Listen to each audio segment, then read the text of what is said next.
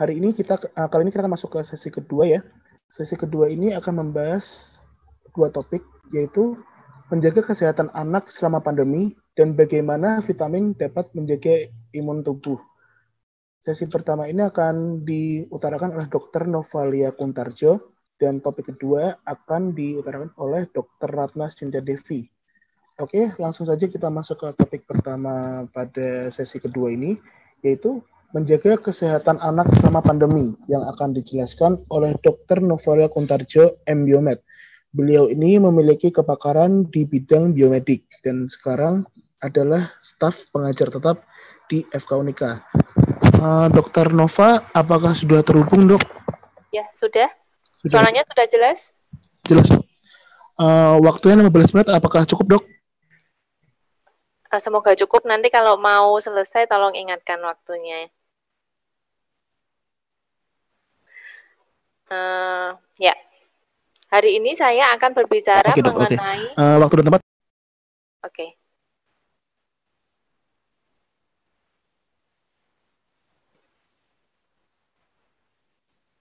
Halo, bisa saya mulai? Bisa dong. Ya, saya akan berbicara mengenai vitamin apa yang penting untuk meningkatkan sistem imun anak selama pandemi COVID-19. Ya, sedikit mengenai sistem imun merupakan mekanisme kekebalan tubuh untuk melawan dan memusnahkan benda asing, dalam hal ini virus yang masuk ke dalam tubuh manusia. Respon umum imun kita itu terdiri dari dua, yaitu non-spesifik atau bawaan dan imunitas spesifik atau didapat. Imunitas non-spesifik mulai dari epitel atau dan kemudian komponen seluler seperti makrofag, leukosit, natular killer cell, dendritic cell, dan komponen lain.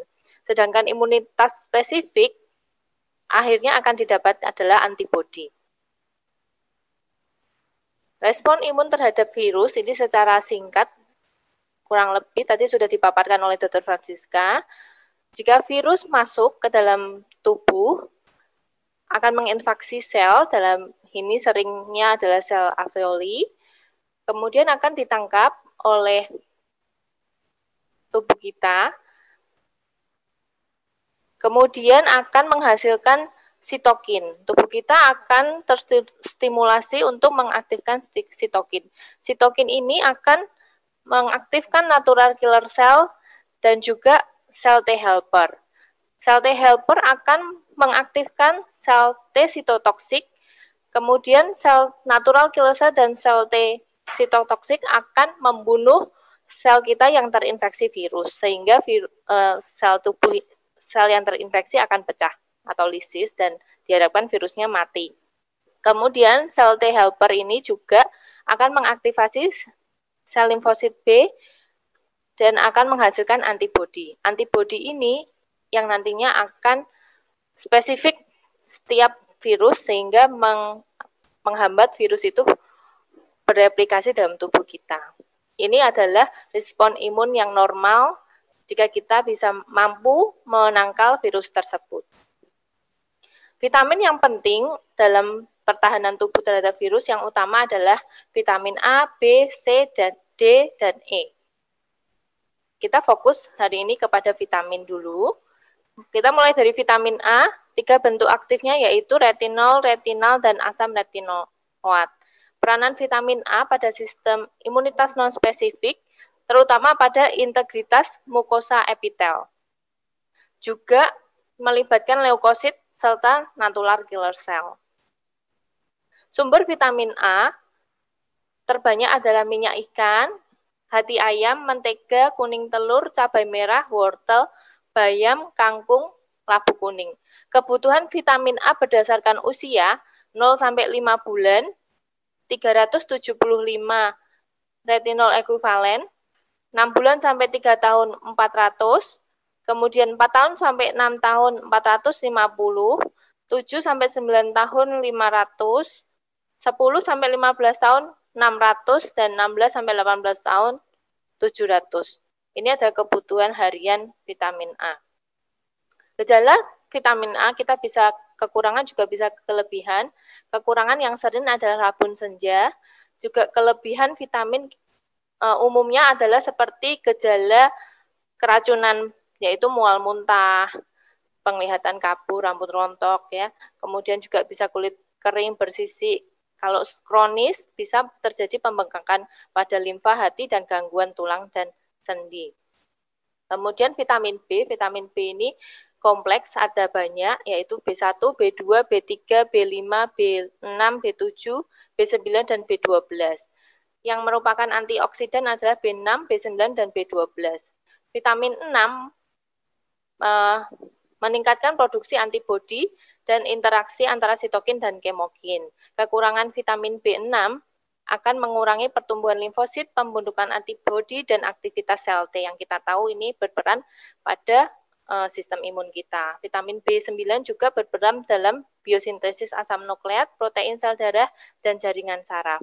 Vitamin B12 membantu sintesis DNA, asam lemak, metabolisme asam amino, juga sintesis sel B dan multiplikasi sel T. Sumber vitamin B6 banyak terdapat pada ikan tuna, hati ayam, salmon, dada ayam tanpa kulit, pisang, kentang, daging sapi, nasi dari beras coklat. Kebutuhan vitamin B6 berdasarkan usia 0 sampai 5 bulan 0,1 mg per hari, 6 bulan sampai 11 bulan 0,3 mg, 1 sampai 3 tahun 0,5 mg, 4 sampai 6 tahun 0,6 mg, 7 sampai 9 tahun 1 mg, 10 sampai 18 tahun 1,3 mg. Kemudian sumber asam folat atau B9 itu hati ayam, bayam, kacang tanah, brokoli, jeruk, tahu, stroberi, dan tempe. Kemudian kebutuhan asam olat asam folat harian 0 sampai 11 bulan 80 mikrogram, 1 sampai 3 tahun 160 mikrogram, 4 sampai 6 tahun 200 mikrogram, 7 sampai 9 tahun 300 mikrogram, 10 sampai 18 tahun 400 mikrogram. Sumber vitamin B12 ini banyak terutama pada makanan hewani, yaitu nori, kerang, hati ayam, ikan makarel atau kembung, salmon, daging sapi, tuna, kuning telur, susu sapi, tempe. Kebutuhan vitamin B12 menurut usia 0 sampai 5 bulan 0,4 mikrogram, 6 bulan sampai 6 tahun 1,5 mikrogram, 7 sampai 9 tahun 2 mikrogram, 10 sampai 12 tahun 3,5 mikrogram, 13 sampai 18 tahun 4 mikrogram. Oleh karena itu beberapa uh, orang yang vegetarian harus memerlukan suplemen vitamin B12 ya. Kemudian gejala kekurangan vitamin B Ya, yang umum ada anemia, kemudian juga bisa sariawan, dan penurunan daya ingat. Kelebihan vitamin juga bisa menyebabkan mudah tersinggung, kulit kering, bersisik, hingga sulit bernafas. Vitamin C kita tahu adalah sebagai antioksidan yang membantu menetralisir radikal bebas dengan cara mereduksi spesies oksigen reaktif dan donor elektron meningkatkan fungsi imun dengan juga menstimulasi produksi interferon. Sumber vitamin C yang paling banyak kiwi, kemudian jambu biji, cabai hijau, pepaya, brokoli, stroberi, lemon, dan jeruk manis.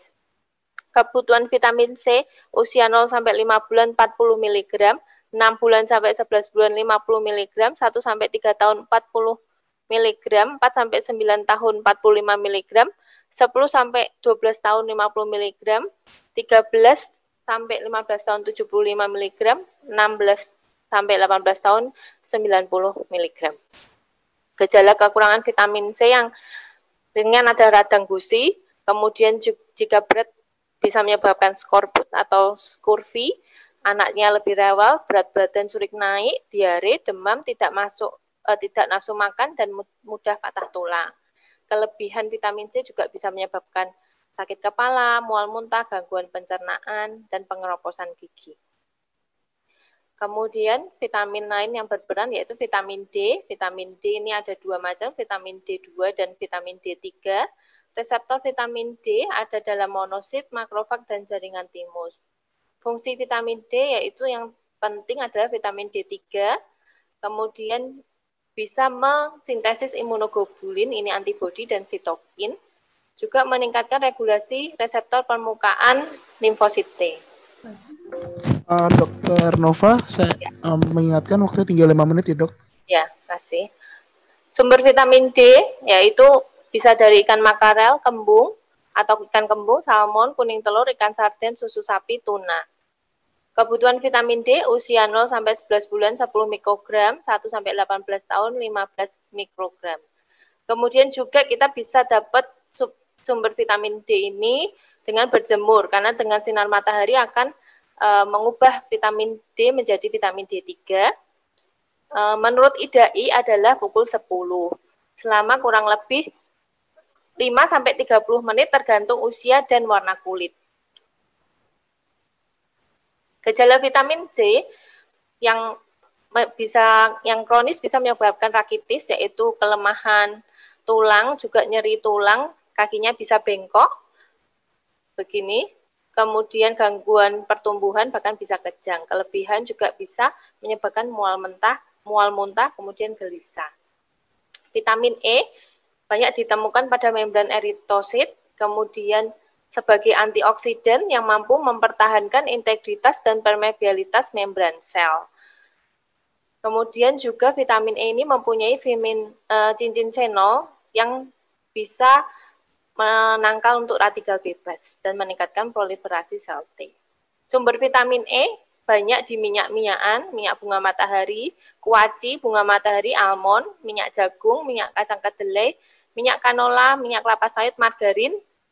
Kemudian kebutuhan vitamin E 0, sampai 5 bulan 4 mikrogram, 6 bulan sampai 11 bulan 5, 5 mikrogram, 1 sampai 3 tahun 6 mikrogram, 4 sampai 7 tahun 7 mikrogram, 4 sampai 9 tahun 8 mikrogram, 10 sampai 12 tahun 10 mikrogram, 13 sampai 18 tahun 15 mikrogram.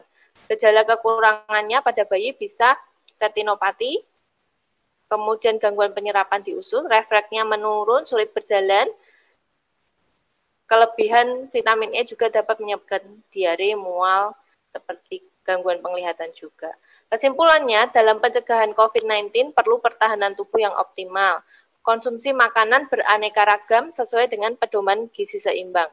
Hindari konsumen sus, konsumsi suplemen secara berlebihan. Pada beberapa kasus mungkin diperlukan terapi atau suplemen khusus. Sekian, terima kasih dari saya. Saya kembalikan kepada moderator. Ya, terima kasih Dokter Nova atas pemaparannya. Sangat baik sekali bagi para peserta yang memiliki anak-anak itu uh, baru bisa menjadi ibu gitu bisalah dipakai ilmunya yang kita dapat pada sore hari ini untuk menjaga anak supaya tersehat di masa COVID ini.